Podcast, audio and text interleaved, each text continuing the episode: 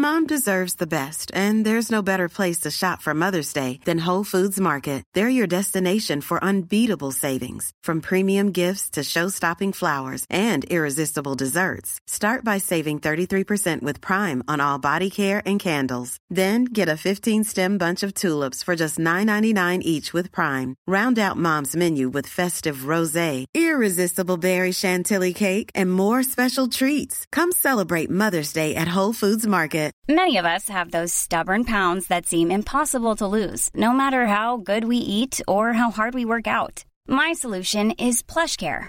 PlushCare is a leading telehealth provider with doctors who are there for you day and night to partner with you in your weight loss journey. They can prescribe FDA-approved weight loss medications like Wagovi and Zepbound for those who qualify. Plus, they accept most insurance plans. To get started, visit plushcare.com slash weight loss. That's plushcare.com slash weight loss. Many of us have those stubborn pounds that seem impossible to lose, no matter how good we eat or how hard we work out. My solution is PlushCare.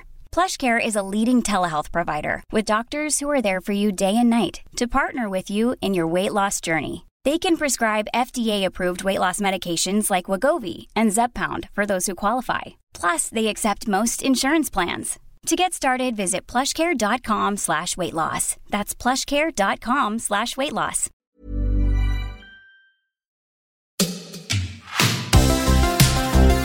Hej och välkomna till del två av årskrönikan Klocksnack med Denke och Berns. Då har vi kommit till nästa del här. Vi fick besök i vår studio. Det var du och jag och eh, så kom eh, en gäst som varit med i dina poddar tidigare som heter Stig eh, och som Ja. är militär framför allt. Och Precis. han har ju alltid så himla mycket roliga historier att berätta om. Ja, men både klockorna såklart, men alla, han, han flyger ju helikoptrar och flygplan och allt vad han flyger. Och, och hela det här är ju jättespännande faktiskt att lyssna på. Det är, en, det är en av mina favoritgäster faktiskt. Mm. Jag, Ja, jag håller med. vi brukar skoja om det. Vi, att han, han, han säger att han alltid vill, han, han ska alltid vara med i varje podd som jag har. Ja. och Ja, är är inblandad i. Um, men jag, jag, jag gillar Stig jättemycket. Det är Ja. Mm. jättekul att ha honom med. Sen kan jag, sen kan jag måste jag erkänna det, jag blir alltid lite så här, att jag blir ba, lite barnslig. För att jag tycker att det jag tycker att det är så ballt med typ så här helikoptrar. Men det är lite som att lyssna på en film. Det är det som är häftigt. Det är ju Ja. inte... Ja, ja nej, men det är kul. Han är duktig på att berätta saker också, så det är kul. Och har, Ja, men verkligen. verkligen. Ber- Framförallt, så, framförallt så har han ju så mycket erfarenhet faktiskt. Riktig, sådär, riktig erfarenhet av sådana saker som... För, att för mig är mycket alltså, Jag kan ju inte påstå att jag har varit så mycket i helikoptrar. Det är ju verkligen... Och inte, inte på det sättet som, som en sån som han har varit det. Så att man får ju lära sig väldigt mycket. Så det blir nästan lite så här helikoptersnack. Ja. Faktiskt. Ja. Men det, det tycker jag är okej. Ja. Ja, ja, verkligen, verkligen. Men måste jag också berömma hans eh, klocksmak, för han är ganska bred smak och har mycket roliga klockor. Det finns mycket militär anknytning, men inte allting, utan det finns ju väldigt brett på det sättet. Och jag tror han är en av dem som typ aldrig säljer någonting, så han fyller ju på sin, sin fantastiska samling med mer och mer eh, roliga klockor. Och Sen tyck, eh, precis, och jag tycker också det känns som att när han skaffar en klocka till sin samling, då gör han det därför att han, han gillar den klockan för den klockans egna skull. Han, han, han verkar, han känns i alla fall som att han struntar helt i allt sånt där som har med liksom prestige och så att göra. Utan han Men, ja, köp- skaffar det han gillar. Ja, men ja, inte riktigt så. Jag skulle säga att han är, eh, han är militär ut i fingerspetsarna. Han sätter upp en kravspec för vad klockan ska kunna prestera. Och sen så går han igenom kravspecen och matchar den mot de möjliga kandidaterna. Och den som matchar bäst blir den som upphandlas. Det är lite grann FMB-känslan sådär. Här ska det köpas in materiell. Eh, på Du fick, det ju, du fick ju Stig att låta jättetråkig. Nej, Det är underbart. Vi älskar ju den här fyrkantigheten. Det är det som triggar oss i vårt samlande. Så att, nej, jag, jag, jag, det här var ett jag stort tycker beröm. vi bestämmer att vi, vi, vi tar hit honom igen och så Ja. får han reda upp det här. Hur, hans parametrar när han köper en klocka. Ja, är, det bara pure, är det bara spontan pure love eller är det en FMV-upphandling? Ja. Men vi kan väl ta ett litet smakprov bara på att lyssna på Stig och på det vi pratade om här i somras.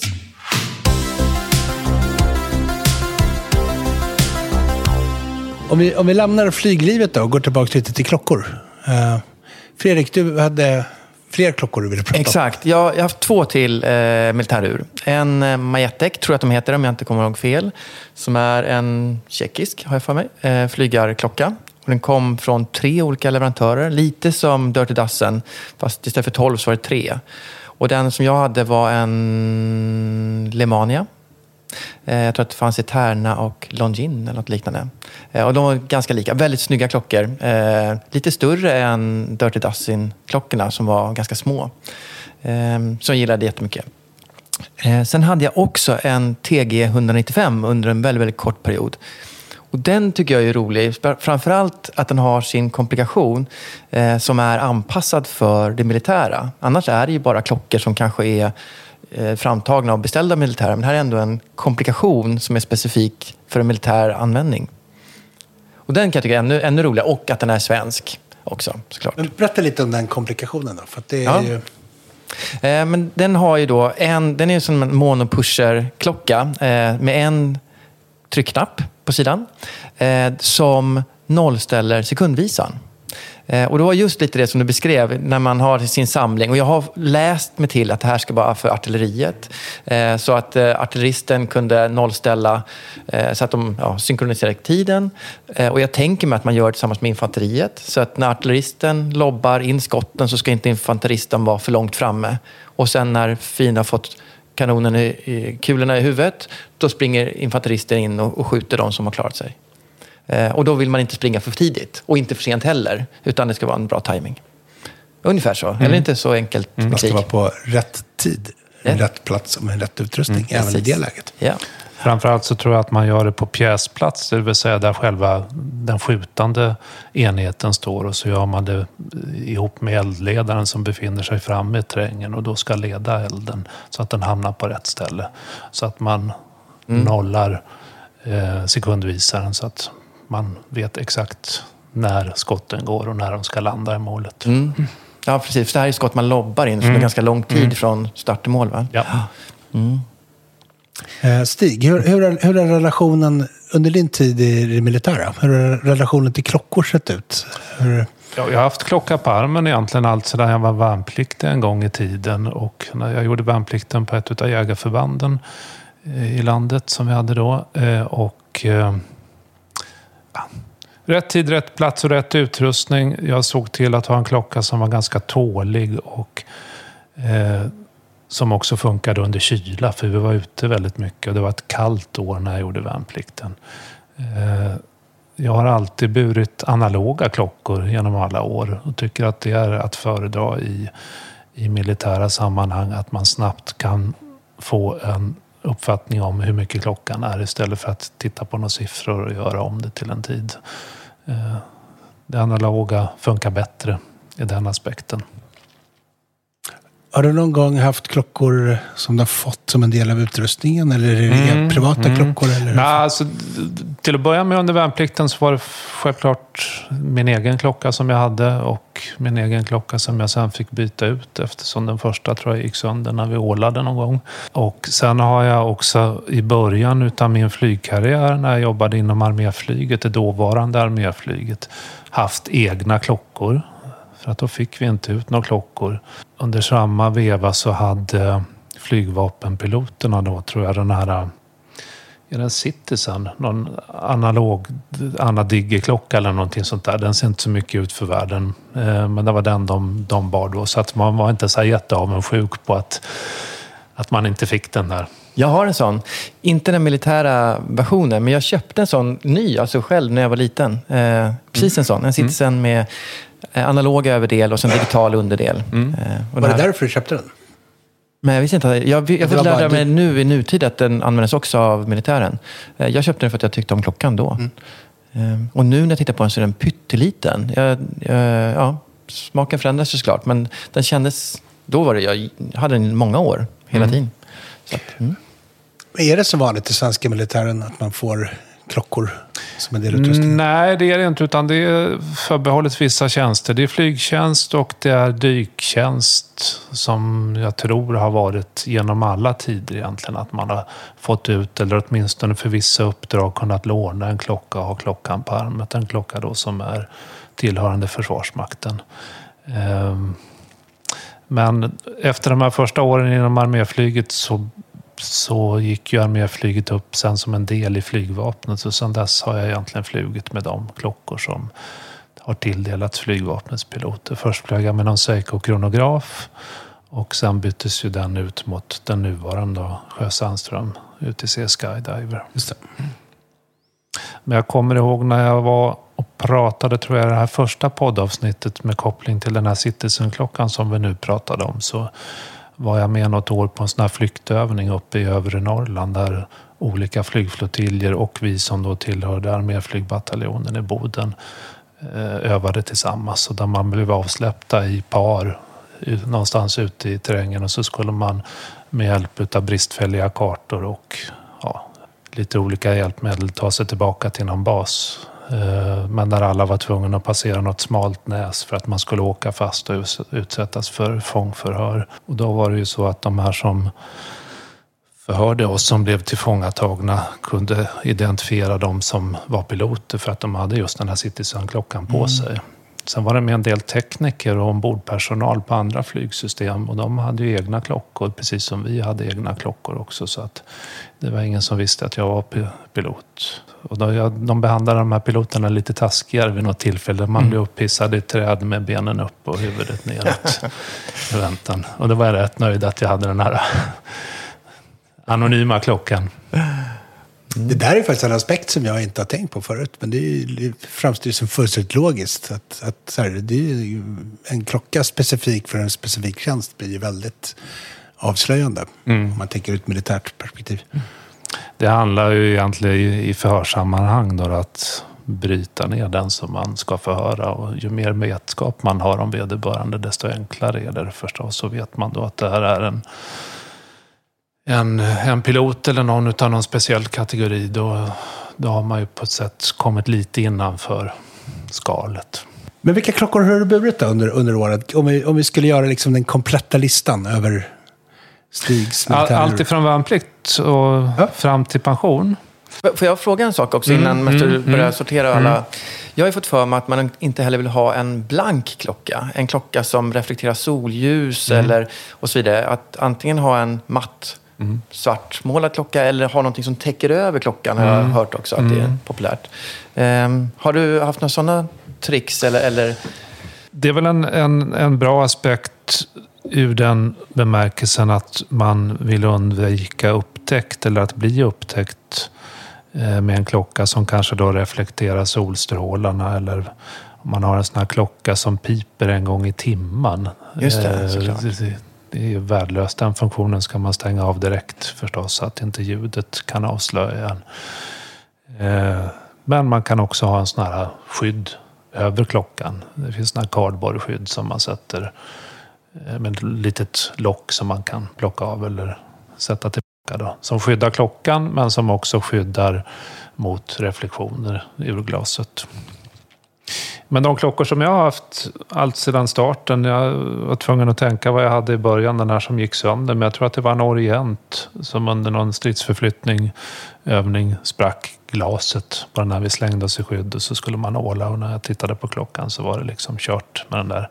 Sen har jag haft, tror jag, en två, tre stycken Casio-klockor. Eh, men det har varit analoga klockor. Någon tror jag hade någon sån här liten digital display. Eh, Och sen den klockan som jag kanske egentligen har flugit mest med i början utav min flygkarriär, det var en sån här Seiko-kronograf. Den första analoga Seiko-kronografen som kom ut. Som jag köpte. Och den, den hade jag egentligen fram till och med eh, vi gick över i flygvapnet och jag fick en annan Seiko-kronograf då. Men som var kronmärkt, M-nummermärkt. Och avslutningsvis nu fram till och med pension så har jag flugit med Sjö Sandströms UTC Skydiver. de här som är M-nummermärkta och så vidare. Eh, I svenska militären, de tillhör militären. Det är ingenting som man själv får behålla eller köpa loss, eller hur fungerar det? Nej, utan de ingår ju som en del i flygtjänstutrustningen. Jag har en hjälm, jag har en flygoverall, jag har en, en väst och jag har lite andra prylar. Och allt är ju M-nummermärkt och ingår som en del i den utrustning man har med sig och på sig i samband med bedrivande av flygtjänst.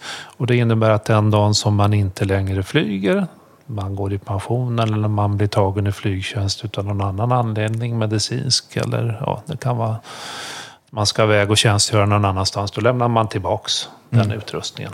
Mm. Och det är utrustning då som är inköpt utav Försvarsmakten för skattebetalarnas pengar. Så det vore ju helt regelvidrigt att man liksom lämnade de här klockorna då till piloterna som någon form av tacksamhetsgåva mm. eller någonting sånt där. Utan de återanvänds. Mm. Men det är lite grann som konst på kontor. Det är inget man ska ta med. Det tillhör mm. företaget eller kontoret. Ja.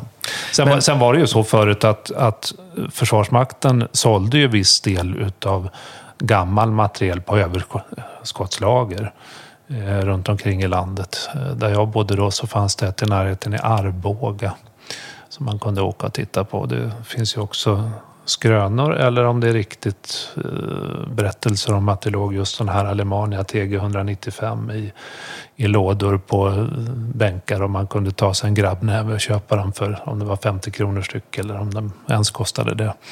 Jag, jag tror ju att det där faktiskt stämmer. Det tror jag, ja, men det tror jag också. Det fanns väl inget intresse för dem heller, för det var väl den eran som digitalklockor kom väldigt mm, stort. För jag kommer ihåg de här gamla överskottsbolagen innan ÖB blev en Ja, någonting annat. Någonting något annat. privat. Ja. Mm. ja, för att ett tag så var det ju faktiskt. Du mm. kunde gå dit och köpa gamla gasmasker och mm. mm. ganska bra kängor och liksom sådär. Jag för mig att det var stat, statlig materiel rent generellt. Ja. För jag vet att polisen sålde ut gamla såna här BMW-motorcyklar och det fanns uh, skinnjackor och grejer och sånt där.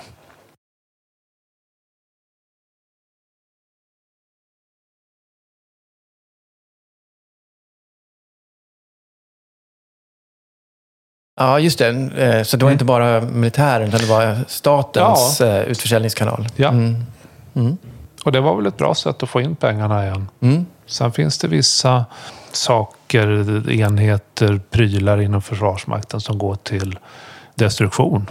Mm. När de slutar att vara en aktiv del av utrustningen. För att det är hemligheter eller för att man... Inte för att det inte är hemligheter, men för att de kanske då inte ska säljas på den öppna marknaden utav ja. olika anledningar. Mm. Du nämnde att du har tjänstgjort både i och utanför landet. Och när du träffar kollegor från andra länder, pratar man om klockor? Jämför man, visar man? Eller är det liksom... För mig är det en stor grej, men det kanske är för att jag är klockintresserad. Jag är ju lite klockintresserad också, Fredrik.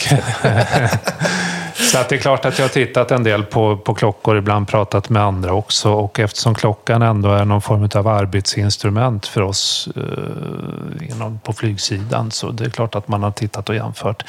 Eh, och det är ju så att alla försvarsmakter har ju inte issued klockor eller klockor som köps in av respektive försvarsmakt, utan många flyger med egna klockor. Mm.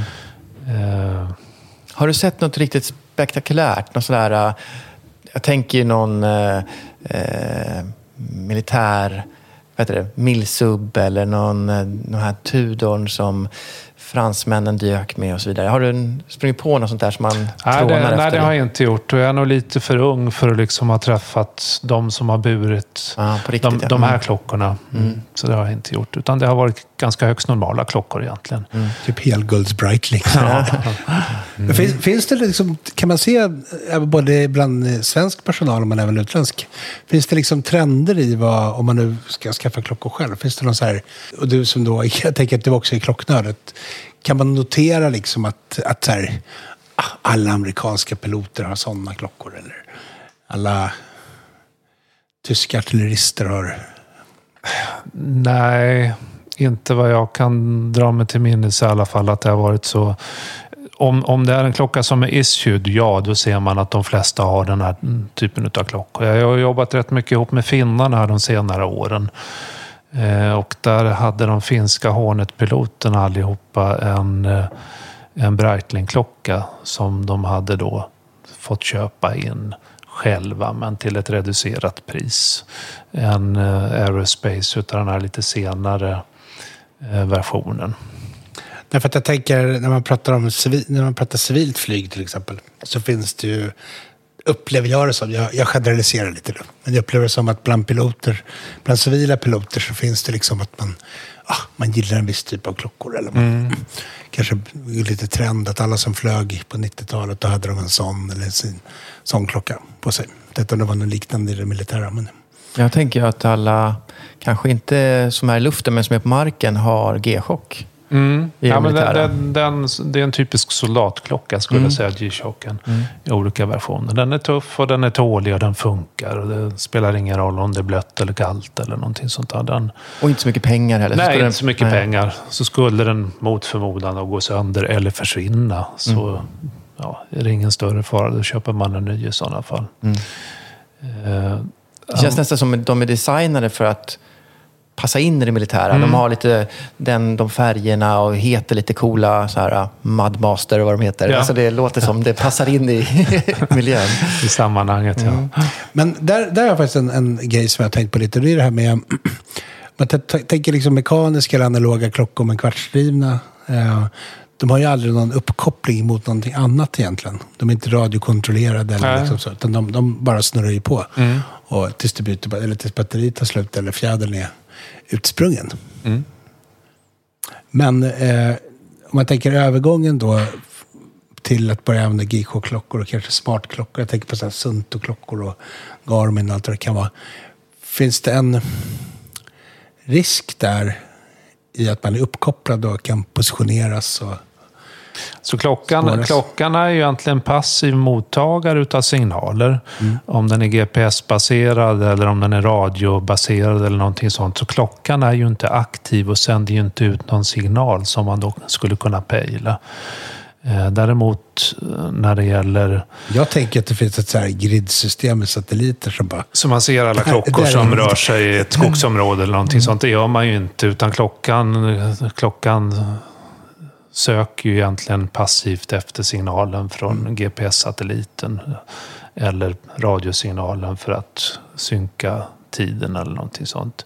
Utan problemet uppstår väl snarare om man använder klockan aktivt och kanske loggar en löprunda eller en, en väg som man har gått och laddar upp det genom någon form av sån här appbaserad funktion, Strava eller någonting annat. Och där kan man i sådana fall hacka och komma in och titta var har den här klockan befunnit sig och varför har den funnits där och finns det andra klockor som är i samma område eller någonting sånt. Men klockan som sådan är ju passiv så mm. att egentligen brukaren och vad brukaren utav klockan gör med informationen som finns eh, som är det viktiga att, att, att undvika då, att göra den offentlig eller tillgänglig. Finns det någon klocka, någon smartare klocka som är integrerad med de militära kommunikationssystemen. Jag tänker, liksom, jag tänker på, en, på en, en smartwatch till exempel. Man kan ju, jag kan ju föreställa mig att det finns funktioner som är nyttiga och bra rent militärt. Men att man... Uh, har, har, man liksom testat eller experimenterat eller liksom använder man det i någon utsträckning uh, som en del i den vanliga liksom, militära kommunikationskedjan? För att någonstans så man pratar ju ändå med varandra över radio och vad det nu är, mm. Eh, över Rakel. Mm. Eller så. Och då tänker jag, kan, har man integrerat klockor i det någon gång? Inte vad jag känner till i alla fall. Definitivt inte i Sverige, men jag ska inte säga att det inte förekommer. Det kan säkert kanske vara så, så att man tittar i alla fall på den möjligheten. Eftersom klockan är ganska liten och enkel att bära med sig. Eh, men det ställer ju också större krav på batterikapacitet och att klockan fungerar över längre tid. Eh, för att kunna lämna den här informationen. Men det är ju samtidigt också känsligt då eftersom den bär på ganska mycket information som man skulle kunna ta över eh, om, om den som bär klockan hamnar i fångenskap eller någonting sånt. Så att i första hand används klockan för det den är gjord för, det vill säga visa tiden. Jag tänker att det här är en ännu större risk om man har, om man har en helt vanlig mobiltelefon. För där har du ju också så att du kan följa vart du har gått och varit om du inte har stängt av de funktionerna. Ja. Och det är en, en, den, en, en del är mycket, som sänder. mycket större, ja. Jajamän. Ja. Mm, det är det. Eh, den sänder ju vart du är och mm. sådana saker. Så att, eh, jag gissar att det också finns rätt mycket krav eller begränsningar för vad du får ha med dig ja. när det är på riktigt. Liksom. Ja.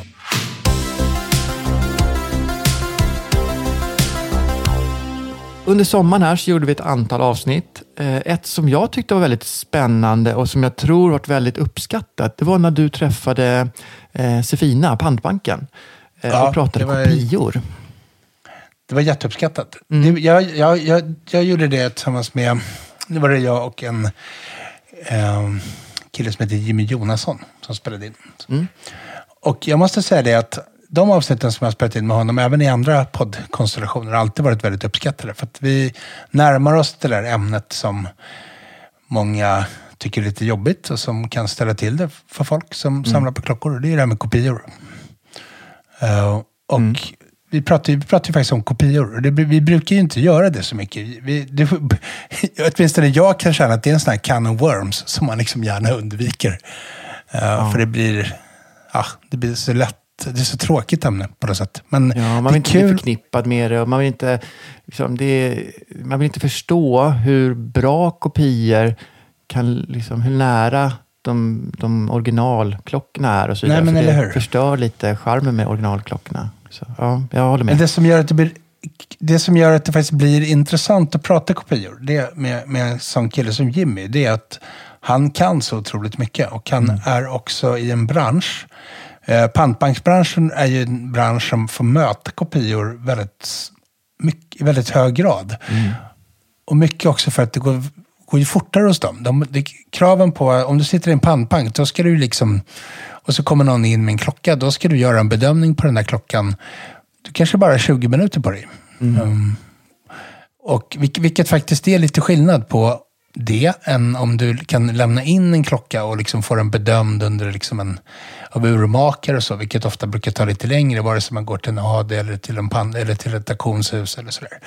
Um, okay. Det gör ju att det finns en, väldigt, en, finns en ganska en ganska tuff kravspec faktiskt på, på de som jobbar på de här pantbankerna. De gör ett väldigt, väldigt bra jobb med tanke mm. på hur mycket kopior de faktiskt avslöjar. Mm. Och därigenom håller borta från marknaden på något sätt, mm, tycker jag. Precis.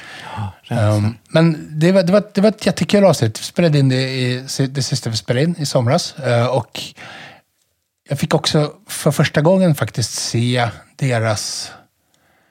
Uh, de, alltså, det, det, ska man säga, deras samling av kopior. Sofinas samling av kopior. Ehm, mm. som de har som referensobjekt mm. i sina egna utbildningar och sådär. Och det var ju mm. faktiskt allt från sånt där som man alltså man förvånas att någon ens tror att den kan vara äkta till saker som var ruskigt välgjorda. Äh, ja. Jätteintressant. Ja. Vi kan väl lyssna lite på Jimmy. Absolut. och jag pratar om, om det här.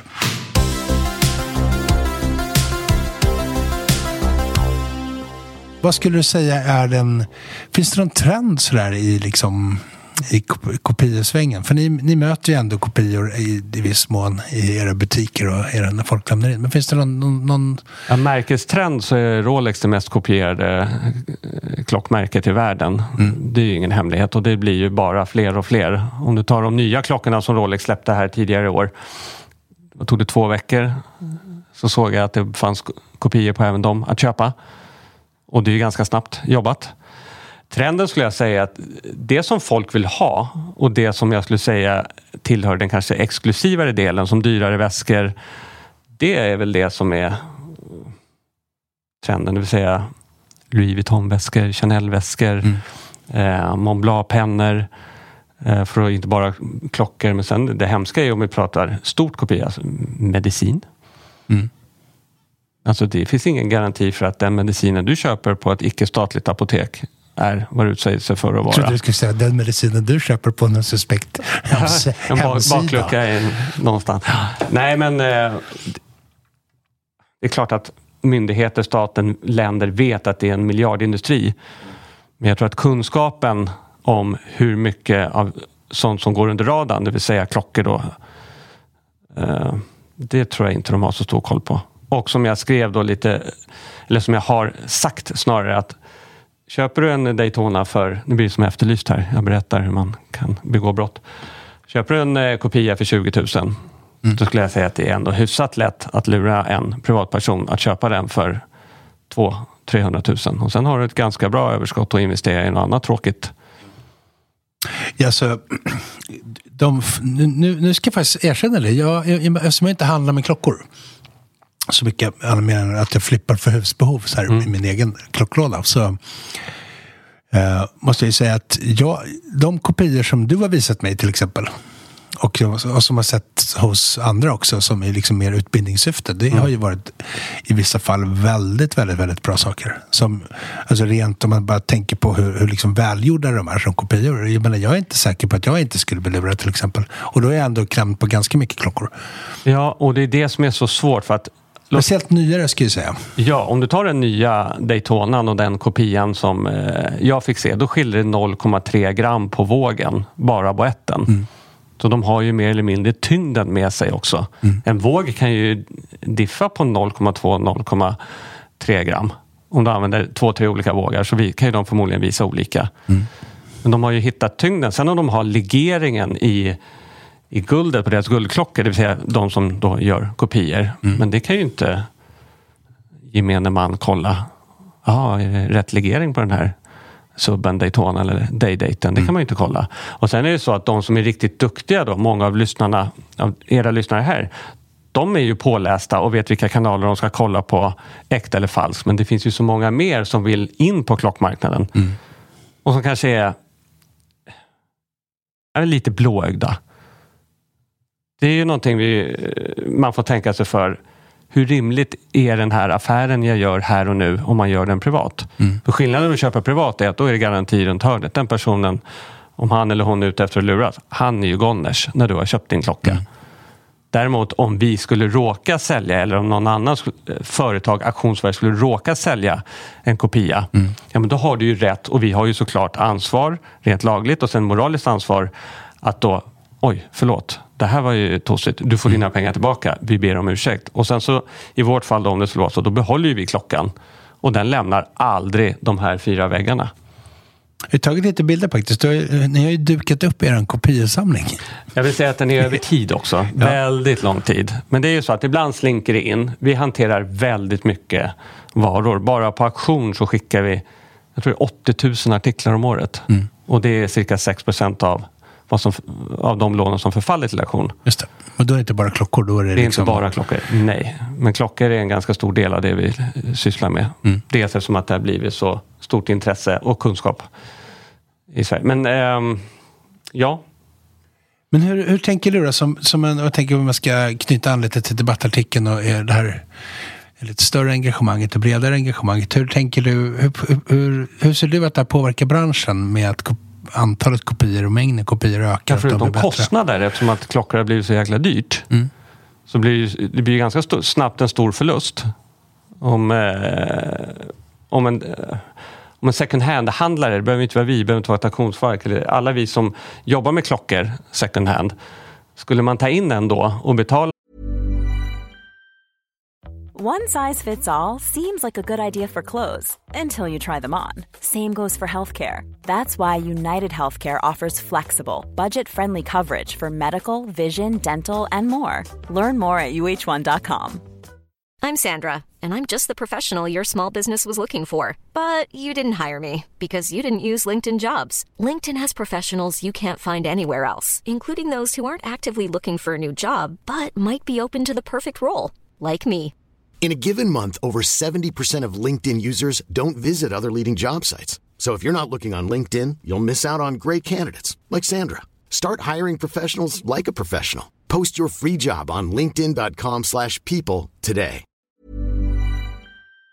Ja, säg, vi, vi, tar de dyra klockorna, 200-300 000 kronor och så visar det sig att nej, men den är nytecknad, då är den ju värd noll. Mm. Det tar lite tid att tjäna 200-300 000 för att täppa igen det hålet. Och när du har gjort det, ja, då är du på break-even. Mm. Alltså då är du på ruta ett och sen ska du börja tjäna pengar igen. Vi som företag, eller ska säga, om vi eh, Sefina skulle ta in en klocka, vi överlever ju det. Mm. Alltså min oro är mera, och det är lite som EU nu med DSA här vill komma ut, det är ju privatpersoner. Mm. Men tänk dig själv köpa någonting för flera hundratusen. Det har tagit en stund att spara ihop de pengarna och sen så blir du Ja, men så kommer du fram till att den här den är ju fake, det är inte mm. värt någonting. Och du kan inte reklamera den till den privatpersonen du har köpt av. Mm. Det är väl det jag vill att vi ska tillsammans hjälpas åt att få stopp på. Och sen är nästa stora steg, det är väl då för myndigheter, polis, staten att få upp ögonen och göra någonting. Mm. Det finns ju en del saker som vi skulle kunna göra, vi företag, för att få stopp på det. Då måste vi ha lagligt stöd också. Mm. Typ som? Ha rätten att behålla varan. Om jag går in och ska sälja min klocka någonstans och så säger det företaget, Auktionsverket eller vad det nu kan vara, att nej men den här är ju falsk. Då mm. borde de ha lagligt stöd att behålla den klockan så att den aldrig någonsin kommer ut på marknaden igen. Och det får man inte göra idag va? Nej, det får man inte göra idag. Men visst funkar det så i vissa länder va? Så är det säkert. Eller? Det... Du sitter, jag, jag ska erkänna det, jag sitter och killgissar nu. Ja, och jag säger att jag inte riktigt har, har koll jag på tänker, det. Jag tänker mer på att tullen till exempel kan ta, om du, kommer in en, om du åker in i ett, vissa länder med fejkklocka på armen eller så, så kan tullen ta klockan och behålla den. Ja, absolut. Eh, men där har ju en annan sak. Tullen gör ju så gott de kan och de har ju större saker att leta efter som kanske vapen och knark och allt vad det kan vara för någonting. Men jag tänker tullen så som på flygplatser där faktiskt väskor och sånt röntgas. Eh, då kan man ju, om man säger att det ligger en klocka i en väska, då skulle man ju rent krasst kunna säga, vet du vad, den här måste vi lämna in eller behålla i 24 timmar för att få den värderad. Mm. Och sen så kan man ju lite grann rimligheten den är ju inte så svår kanske att lära sig att är det rimligt att eh, den här personen har haft råd att köpa en klocka för flera hundratusen? Det är ju såklart, man åker ner och köper en klocka så har man den på armen och så bilar man igenom svenska tullen eller flygplatsen. Det är, det är ingen som kommer kolla den klockan. Kunskapen, resurserna finns inte. Nej. Och det, och det tror jag har också att göra med vetskapen för politiker, eller ovetskapen att hur mycket pengar det faktiskt rör sig om. Har du någon uppskattning på det? Kopiamarknaden generellt, hur mycket liksom pengar som omsätts? Eh, jag för mig jag såg en siffra på varor och inte specifikt klockor. Nej. Nu blir det att jag lite killgissar. Jag får mig att det var 300 miljoner om året. I Sverige? I Sverige. I omlopp. Sen om alla sänds på marknaden? Nej, men man har väl uppskattat att det florerar så pass mm. mycket varor i Sverige. 300 miljoner. En Aftonbladet-vinkling på det skulle vara att det, blir, att, att det cirkulerar kopior för en halv miljard. Oh. Nästan. Mm. Nej, men det är väldigt mycket. Det är väldigt mycket. Och det, och det, och, och, och, det är faktiskt så att inte bara klockor utan även annat. Vi stöter ju på kopior hela tiden i liksom nästan i vardagen, höll jag på att säga. Ja, nu är det valår i år. Ja, det kan det vara. Ja. Och nu tänker jag då att jag går på politikerna lite igen. Här. Tänk att du som privatperson köper en klocka för 200 000 kronor. Blir blåst. Du har alltså blivit av med 200 000 kronor. Då måste vi på något sätt få spara ihop eller snåla ihop till de pengarna igen. Det innebär att då kan du inte konsumera i butiker och affärer. Skattepengar, momspengar. Du Nej. kanske ställer bilen, vilket i och för sig är bra för miljön. Men du förstår vad jag menar. Det är ju 200 000 som mer eller mindre försvinner, försvinner så skönt, så skönt Jimmy. Du, du håller på att måla in ett litet hörn här. Väldigt bra. Men hur, ska, hur ska du landa det här? Nej, men jag måste ju nå ut till politikerna på något sätt. Och det är väl skattepengar, det gillar ju de. Ja. Och det var väl den vinklingen till alla partier. Nu. Ja, men alltså, det är ju pengar som går in i svart ekonomi och svart ekonomi ja. gillar ju inte politiker. Nej. Nej. Eller det gör väl inte någon av oss. Nej. Men hur, hur, vad, vad ska man liksom hålla ögonen på? Liksom, hur, hur går bedrägerierna till? För vi, för vi kan ju benämna det som bedrägerier egentligen, för det är väl det som är eh, lagrummet. Ja, där vill jag vara tydlig med att hur det funkar ute på gator och torg har jag faktiskt ingen aning om. Men en vild gissning är att man annonserar klockan, eller väskan eller vad det nu må vara, någonstans som att den vore äkta. Mm. Eh, som eh, då professionell lurendrejeriare så är man ju påläst i dels eh, hur man rör sig, hur man, eh, vad man kan om klockan men framförallt hur man lätt lurar en annan person. Mm. Och sen så görs väl affären upp i någons hem eller i värsta fall och där får man nog tänka till ute på, gat, på någon gata någonstans, i någon bil eller någonstans och där måste man ju som privatperson tänka, är det rimligt? Är det rimligt att köpa en klocka för x antal hundratusen från bakluckan i en bil. Och hur ska man, och det jag tänker där då att då ska man Det här kanske... är så roligt för att jag tror att väldigt många, väldigt många klocknördar som hör det just nu tänker Blir jättearga på mig. Nej, jag tänker nog snarare så här. Jag kan själv tänka hur många gånger har jag köpt klockor av folk i en bil? Jättemånga gånger. Mm. Men, det, men har ju, det har ju kanske funkat. Ja, men jag, det har varit en jag, annan nej, men jag, jag har gjort det också, men jag har, jag har väl ändå hyfsad koll och det är säkert de här klocknördarna också. Ja, men det, det finns så många andra som... Men någonstans får man ju fråga sig själv, är det rimligt och köpa en eh, Daytona stål. 300-400 000. Mm. En sen måndagkväll i en bil. Mm. Nu i dagsläget. Från någon man inte känner? Ja, eller, eller har någon referens på överhuvudtaget. Ja. Nu, nej, det är inte rimligt idag. Det är inte det. Men ändå gör folk det? Ja, bevisligen gör de det. För att det är ju så att det, är inte, det kommer ganska många kunder till oss och till auktionsverk med klockor som inte är äkta och då blir vi, får vi lämna det tråkiga meddelandet. Sorry, den här är inte äkta. Jo, men jag har ju köpt den av en person och han sa att det var äkta och det fanns kvitto från eh, återförsäljare och allt vad det kan vara. Mm. Men, och där vill jag också lägga till att bara för att det finns ett kvitto från en auktoriserad Omega Rolex-försäljare så betyder inte det att saker är rätt. För det är inte svårt att göra kopior på kassakvitton. Det Nej. måste man förstå. Och det har vi också sett. Kopior på kassakvitton från återförsäljare. Mm. Och inte bara då klockor utan då på väskor som Louis Vuitton. Det är ju ett papper, det är inte svårt att göra en kopia på. Nej. Det är svårare att göra väskan. Värderingsintyg går också att göra kopior på. Mm. Det har du till och med figurerat runt en, ganska, en del. Ja, det har, ja, det har du gjort. För återigen, det visst, det finns ju vattenstämpel och det finns kontrollnycklar, men det, det är inte så svårt. Och det som är lite läskigt... Det, det, det är inget man kollar när man står och köper en klocka från bakluckan av en bil. Det är kanske inte kvittot, man är mer intresserad av klockan. Ja. Eller kvittot är mer Nej, att man är lugn i magen. Att, ja, men han har ju kvitto, han, har ju, han eller hon har ju köpt den någonstans. Ja. Men det är väl det skulle jag säga är lite den nya trenden. Certifikaten att det finns falska, det har vi ju sett sedan några år tillbaka mm. och de är riktigt bra. Där finns det väl också det här problemet att man har klockor med serienummer som matchar certifikaten men att man byter klockan precis innan man ska... Ja, det skulle jag säga är något väldigt läskigt som eh, jag har sett och dels hört att har man riktigt bra är man proffs i lurendrejerier och har bra kontakter då kan du beställa en kopia från, mm. vi säger Kina, då, det är väl där majoriteten tillverkas. Då kan du beställa en Daytona med ett specifikt serienummer. Mm. Med det sagt så får man inte glömma bort att det kan ju vara så att du går in med klockan hos oss, auktionsverk eller vad det må vara, får den värderad, ja den här Daytonan den är räkta, allt är som det ska. Men sen när man går ut och ska göra upp affären i bakluckan på bilen, då kan ju den personen bara byta klocka. Mm. Och då behöver du inte titta på den igen. Nej, det har man redan inspekterat. Och där blir det lite fel då om man går in och lägger skulden på den värderingsmannen, kvinnan. Att, ja men vadå? Den här är ju falsk. Du sa att den var äkta.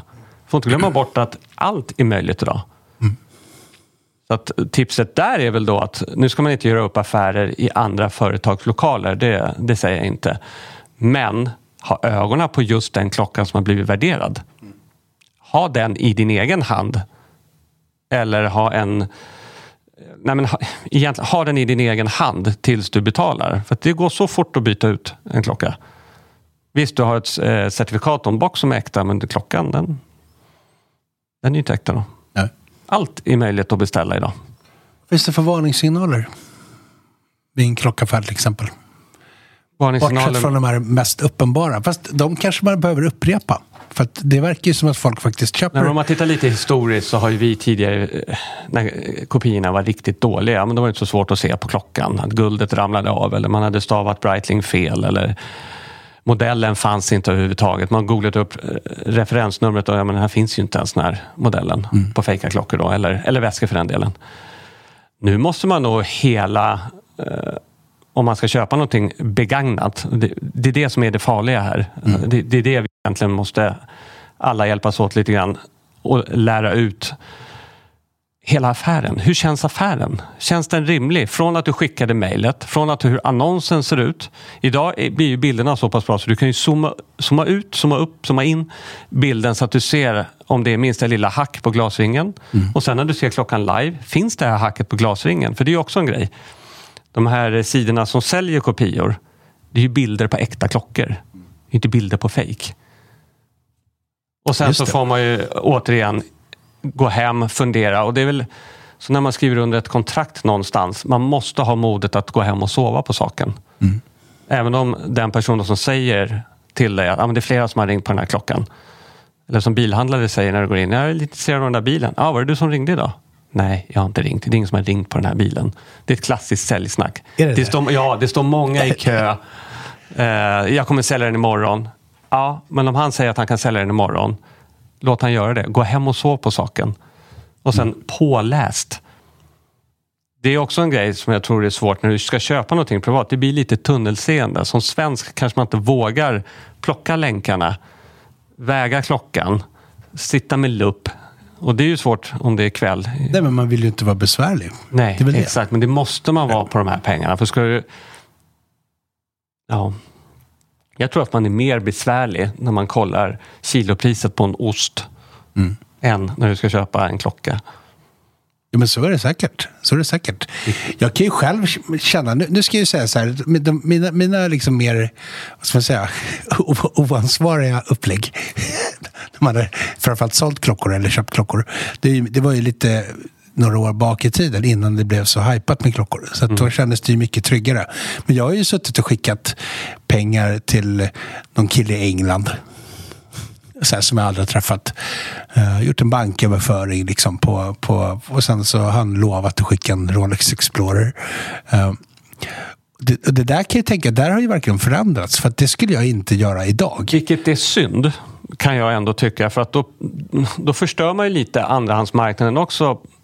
Jag som gillar vinylskivor till exempel. Ja. Då är utbudet av vintage plattor större i England och USA såklart. Mm. Eller Japan. Det innebär att jag får ju skicka pengar. Nu kan man ju kanske använda sig av ett jättestort, ett jättestort företag och man kan skylla på dem då om man ja. köper. Men jag tänker på Ebay till exempel. Det är ju det är privatpersoner. Mm. Och om vi då inte tillsammans får stopp på handeln av falska varor, då kommer det bli ännu större och i slutändan så kommer vi inte våga, som du säger, vi kommer inte våga köpa saker från USA eller mm. England eller Tyskland eller Norge eller vad det kan vara för någonting. Nej men alltså orosmomenten känns mer, mycket större nu än vad det gjorde för 5-6 ja, år sedan. Absolut. Dels för att det handlar mycket mer pengar. Förut ja. kunde man ju liksom köpa en Rolex för 30 000. Det kan man inte göra idag. Nej. Uh, 30 000 är också väldigt mycket pengar mm. ska jag säga. Men, men uh, um, det var inte riktigt samma orosmoment förut. Det var inte riktigt lika mycket strul. Ja, men då fanns ju inte riktigt den här avdelningen i det kriminella högkvarteret. Då fanns, då fanns ju inte de här kopiorna. Nej, men det var precis. Det, ja. var, det var liksom mer så här turkiska badstränder. Ja. Som var liksom... Och där har det blivit väldigt bra kopior. Mm. Alltså om man står och pratar väldigt länge med någon som står och säljer dem i en medelhavslandbutik. Förr eller senare så får du ju faktiskt verkligen klämma och känna. Och det, jag kommer ihåg det var för några år sedan. Eh, så fick jag faktiskt öppna upp en Tag Heuer Carrera och se hur urverket såg ut. Mm. Och det såg, det såg väldigt bra ut för mm. att vara en kopia för då 1500 spänn. Mm. Och återigen, är det en glad amatör, det är jättelätt att lura då för att mm. ja, det är ett certifikat. Mm. Jag har slips på mig. Jag sitter i en fin bil och den här, kanske man namedroppar några värderingsmän som har tittat på den och så vaggas man in i att det här är en bra affär. Mm. Men vad är det som gör att folk ändå gör de här liksom... Drömmen att ha. Visst är det det va? Ja. Att det här, det, du blir ju helt förblindad. Och du, tillfälle. Det är också mm. så här, är det lite för bra för att vara sant? Det är ju en klassiker. Mm. Ja, men han har ju en... Eh, han har ju en daydate här och det är bara 50 000. Det, jag, och det är flera som har ringt på den. Ja, jag måste ta den här och nu. Mm. För det är drömmen att ha en sån. Drömmen att visa upp för bekanta eller för sig själv. Uh, bucket list, jag har den här. Och då blir det lite tunnelseende om man mm. inte är påläst. Dels som köpare och dels som uh, ja, entusiast med klockor. Mm. Nu säger inte jag att vi ska säga nej till hela privata marknaden. Det vill jag ju vara tydlig med. Så att företagen ska få vinning i att bara sälja klockor. Det jag säger är att sov på saken och sen second opinion. Mm. Även om du köper en klocka hos någon second dealer eller någonting som har ett lagligt ansvar mm. eh, att ta emot en reklamation. Så ta en second opinion. Det finns ju, nu sticker jag ut hakan igen, det, alla gör fel. Även värderings män, kvinnor, företag gör fel. Kopiorna är så jäkla bra. Det är mycket att göra. Det slank igenom. Men ta en second opinion då och även privat. Mm. Och privat då kanske, då är det inte den första opinion är ju inte då från han som säljer utan då får du gå till två olika. Och är det så att den säljaren inte vill det, då är det kanske inte rimligt att köpa den klockan. Nej, för det, det är min, min erfarenhet är ju också så att, att om när en seriös säljare av en klocka är ju alltid beredd att här, låta någon ge en second opinion på klockan eller lämna in den på för en kontroll hos en urmakare. Ja, det är eller... klart. För du vill ju inte att personen som köper klockan av dig heller ska komma tillbaka. Du, du har blåst mig för 200 000. Det kan ju bli jättestökigt för mig som säljare om jag skulle ha missat någonting ja, som privatperson. Exakt, då. exakt. Och återigen, det är ju skillnaden om man köper exempelvis av oss. Skulle det visa sig att någonting i urverket inte stämmer, eller att någon del av länken inte är äkta, men då har du ju laglig rätt att komma tillbaka och så säger vi ja, men du får dina pengar tillbaka, det här var inte bra. Och sen så de kopior som du har sett här idag, de lämnar ju inte, de lämnar inte oss. Vi har ju dem som utbildningsmaterial. Mm. Dyrt sådant i vissa fall, men väldigt lärorikt. Och det är väl det vi med debattartikeln här då mer vill få ut. Att vi måste hjälpas åt. Nu vet jag inte om DSA kommer bli någonting där som att det finns ju många plattformar som har mycket pengar att förlora. Och det här med fria ordet och allt vad det kan vara för någonting. Men det är de facto olagligt att hålla på med kopior.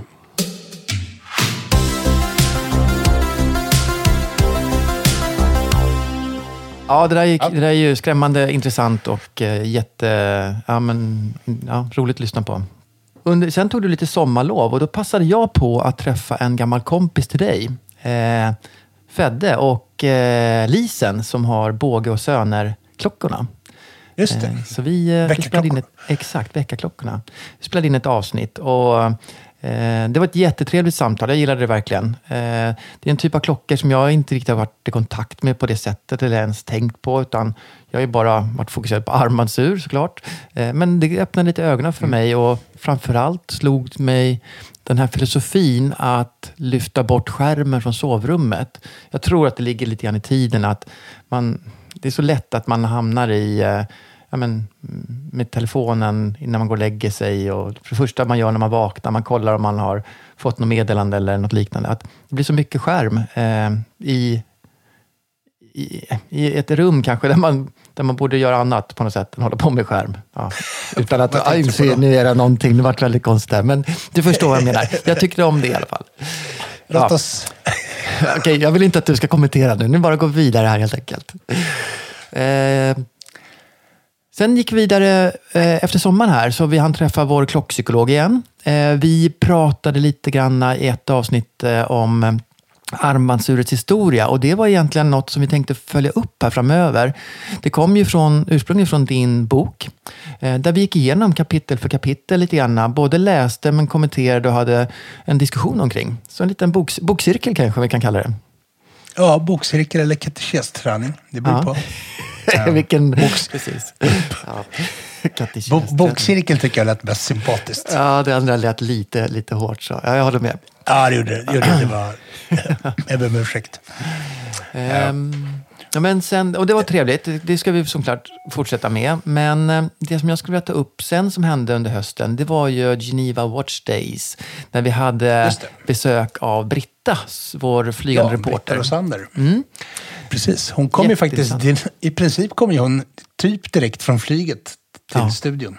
Ja, det är jättekul. Som inte var en studio. Vi var, vi var på en smyckesmässa, jag och Britta. Mm, okay. Och spelade ja. vi in på plats där. Um, okay.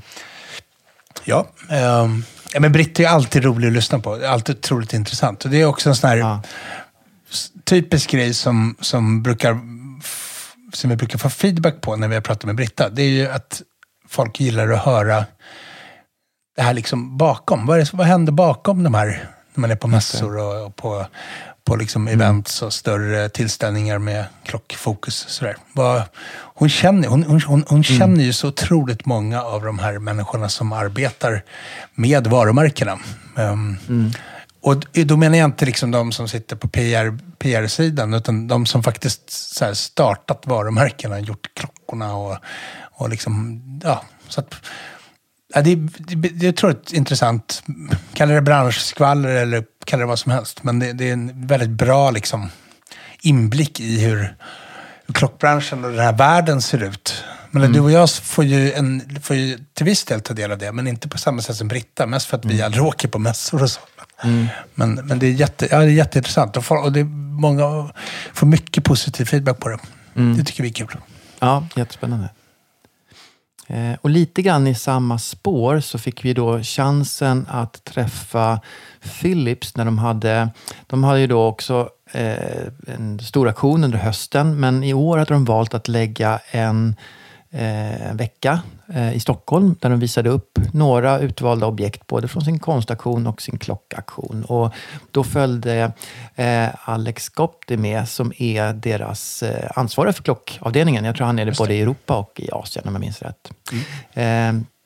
Och jag fick ett, ett, samtal med honom. Och det här är kanske det som jag är mest stolt över under året. Att få träffa en, som jag tycker, en kändis i sammanhanget. Och få titta på de här fantastiska klockorna och umgås med dem i den här miljön och så. Så att jag var lite starstruck bara att få vara i, ja, få möjligheten att träffa dem. Så jätteroligt mm. var det verkligen. Eh, och det gav mig kanske lite, eh, vad ska man säga, eh, li, lite mod att göra fler sådana typer av intervjuer. Eh, vi, vi, kan väl lyssna först lite grann på, på Alex eh, och höra historien här som han beskriver om eh, de här finaste klockorna och så.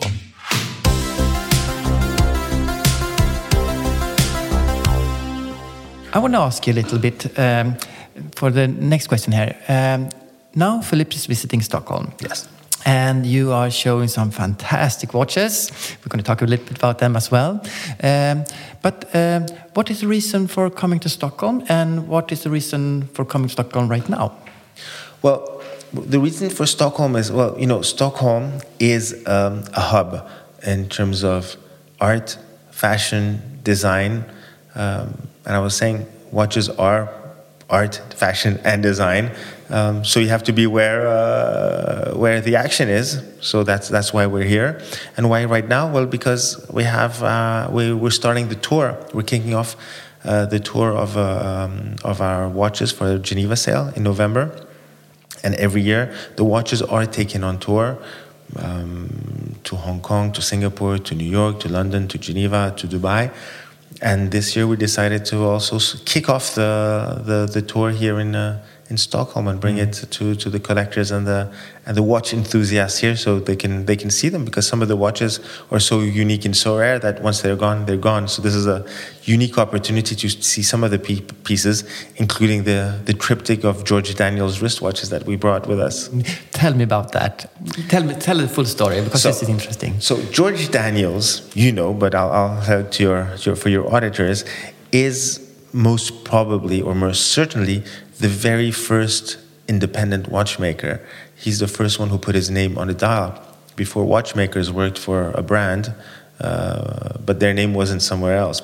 Sure, uh, in, the, in the 1900s or 1800s, you had the Audemars was an independent watchmaker because he existed. Vacheron was an independent watchmaker because he, he was living. But then when all these became brands, you didn't have a, a, a sole, unique, lone watchmaker creating pieces. And George Daniels in '68, he was the first to actually decide and create his own wrist, uh, his own watch. It was a pocket watch with his name on the on, on, on the dial. And I mean, he inspired uh, the likes of François Paul today, who's probably the best known independent watchmaker, to become a watchmaker and to to continue um, developing this um, his oeuvre. So we have we have the immense pleasure of having a, one of only two wristwatches that Daniels made 100% by himself. The other wristwatches he has that bear his name were made with conjunction with uh, Roger Smith, his protege and apprentice. So this is a double-sided uh, spring case tourbillon that he made for himself. He never was intended to, to sell it. He, he wore it for almost 10 years on his watch, on his wrist until um, a collector, who not even a, a, collector, because I spoke to him, he had seen a TV show on George Daniels and was fascinated, and went to see him and said, "Please sell me your watch." And Daniel said, "There's no way. This is my personal watch. Get out of my house." and he kept coming back, and he kept coming back, and then they became friends. And it's only 12 years later that Daniels finally agreed to sell the watch to uh, to oh. the collector. So it's his his personal watch. So this this watch has been in in in, uh, in private collections ever since it was made in 1992, and it's the very first time it's coming uh, to the auction market or to market. So it's one of the very rare times that it can actually be admired and seen. Okay, can I ask you what is your guess or your estimation of? So our estimate, uh, we put, we just said in excess of one million Swiss francs because we believe. What do I think it will make? I don't know, and I'm a superstitious man, Yeah, and I don't want to say anything. So That's we, good. we'll see on um, on November the fifth. November the 5th. Yeah, this is going to be so interesting to follow. It's going to be Yeah. very interesting. Do you, um, I, I don't know, for me personally, I, I very often I log on to these big auctions like on November the 5th and it's like a big show to me to have a look at the uh, both, both the nice pieces and everything but also the auction in itself is like a big show. It has to be a show. You know, auctions started uh, 250 years ago uh, to sell off all the objects and jewelries and, and, and, and, and furniture of the aristocracy. That's how it started off. And so basically, I like to say, you know, auctions, we use 18th century techniques to sell 18th century technology, Yeah. which are watches. So it needs to be fun. It needs to be a show. It needs to create excitement. Because, you know, let's be honest, you don't need watches, you don't need auctions. But today, you need to have the show. But the show is just a frame for having fantastic watches. Yes. If you don't have fantastic watches, you just have an empty show. But it's great to have a great show and great watches. And the reason why uh, I think we're still relevant today, why I was even joking, you know, 18th century uh, uh, marketing, is that I would say 99% of the watches that we do bring to the market, you can't find them anywhere else. right. So there's been a lot of search and, uh, and excitement and eagerness to go find these really rare, super quality, uh, modern or vintage timepieces and bring them to the market. So yes, it's it's it's a whole show. And um, I was I was speaking to, uh, to somebody earlier on, one of the, a journalist. Saying I'm, I'm on different WhatsApp groups, collector WhatsApp groups, and during the sale, they, they watch it live and they're rooting for one person or another, saying, "Oh, I hope he wins the watch or she wins the watch." So it becomes almost like a like a tennis tournament where they're they're they're wishing Sharing that so and so will win the watch. So it's yeah, so it's interesting. So it's Tell me about the process. You have Aurel Bax uh, as the uh, main character uh, in, in the auction house. Uh, he's doing a fantastic job, of Well, course. Aurel, he's basically the head of worldwide watches. Okay. First of Mm. all, yeah. Uh, but uh, then you have the whole crew supporting him and Yes. supporting the whole uh, auction. Tell me, because when I watched it, uh, the, the broadcast, it's uh, you see uh, the telephone calls coming in. Tell me a little bit about that, because I, I never really figured out the whole process. So, so first, we don't have only Aurel, who's, who's a fantastic auctioneer, but we have a new generation of auctioneers who, who, are, uh, who are stepping up and who are doing a fantastic job and who, are- who, really can identify with different types of the, of, of, of, of the population. I mean, you know, we have uh, Tiffany Toe, who, uh, who, who has. Uh, loves watches. She's very straightforward. There's uh, Clara Cassie, who has a certain elegance in her auctioneering. There's uh, Marcello DeMarco, who has a man bun, long hair, big beard. He looks like a hipster, but he knows his watches. Sharp, and then yeah. obviously Aurel Back. So it- we, we have, I think, and this is the interest of following a Phillips auction is it's not always the same guy doing it. It's, it's different, let's say, actors mm-hmm. coming in. Mm-hmm. And then there's different ways to bid. You can either bid online, you can bid in the room, uh, or on the phone. And on the phone, it's almost like being in the room, but anonymously, mm-hmm. or if you're far away, because basically you discuss with the with a specialist on where you should go, who you're up against. Uh, sometimes I'm on the phone with a, with one of my clients. I'm like, listen, you're up against uh, a guy who is ready to pay five times what the watch is worth. Forget it. You're mm. not going to get it. Mm. so in that case, you represent the buyer. Uh, there on- on you the represent the buyer. Mm. Well, we, you, our goal is for the seller to get the highest price because they trust us and bring us something, and you know we have to deliver. But also, uh, we don't want our, our our clients to pay ridiculous prices No. for something, and you know it's our job also to um, advise them. You know, yes, please. I think this is worth it because there's no not a better one. It's so so rare, or you know, it's okay. Don't go this high. There will be others. So we have a role of, uh, to, to advise. You know, we're not just. I think before, uh, most and foremost, we're advisors before being salesmen. And I think that's why we have such great clients uh, because they trust us mm. and they know that when we tell them something, you know, that we're not, our, our goal isn't just to make money off their back.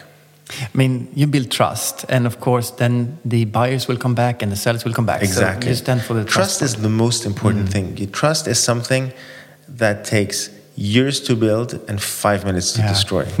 That is the truth. And once it's gone, it's yeah. finished. Yeah.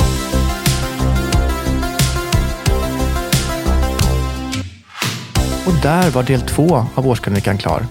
Lyssna även på den tredje och sista delen. Årskrönika, klocksnack med Denke och Berns.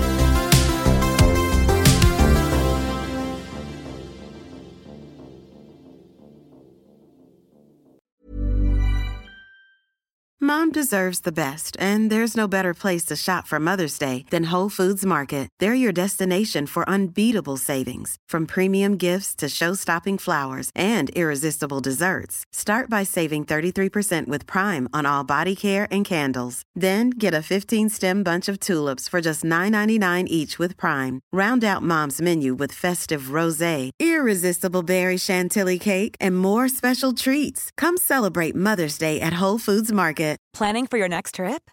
Elevate your travel style with Quince. Quince has all the jet setting essentials you'll want for your next getaway, like European linen, premium luggage options, buttery soft Italian leather bags, and so much more. And is all priced at 50 to 80% less than similar brands. Plus, Quince only works with factories that use safe and ethical manufacturing practices. Pack your bags with high-quality essentials you'll be wearing for vacations to come with Quince. Go to quince.com slash pack for free shipping and 365-day returns.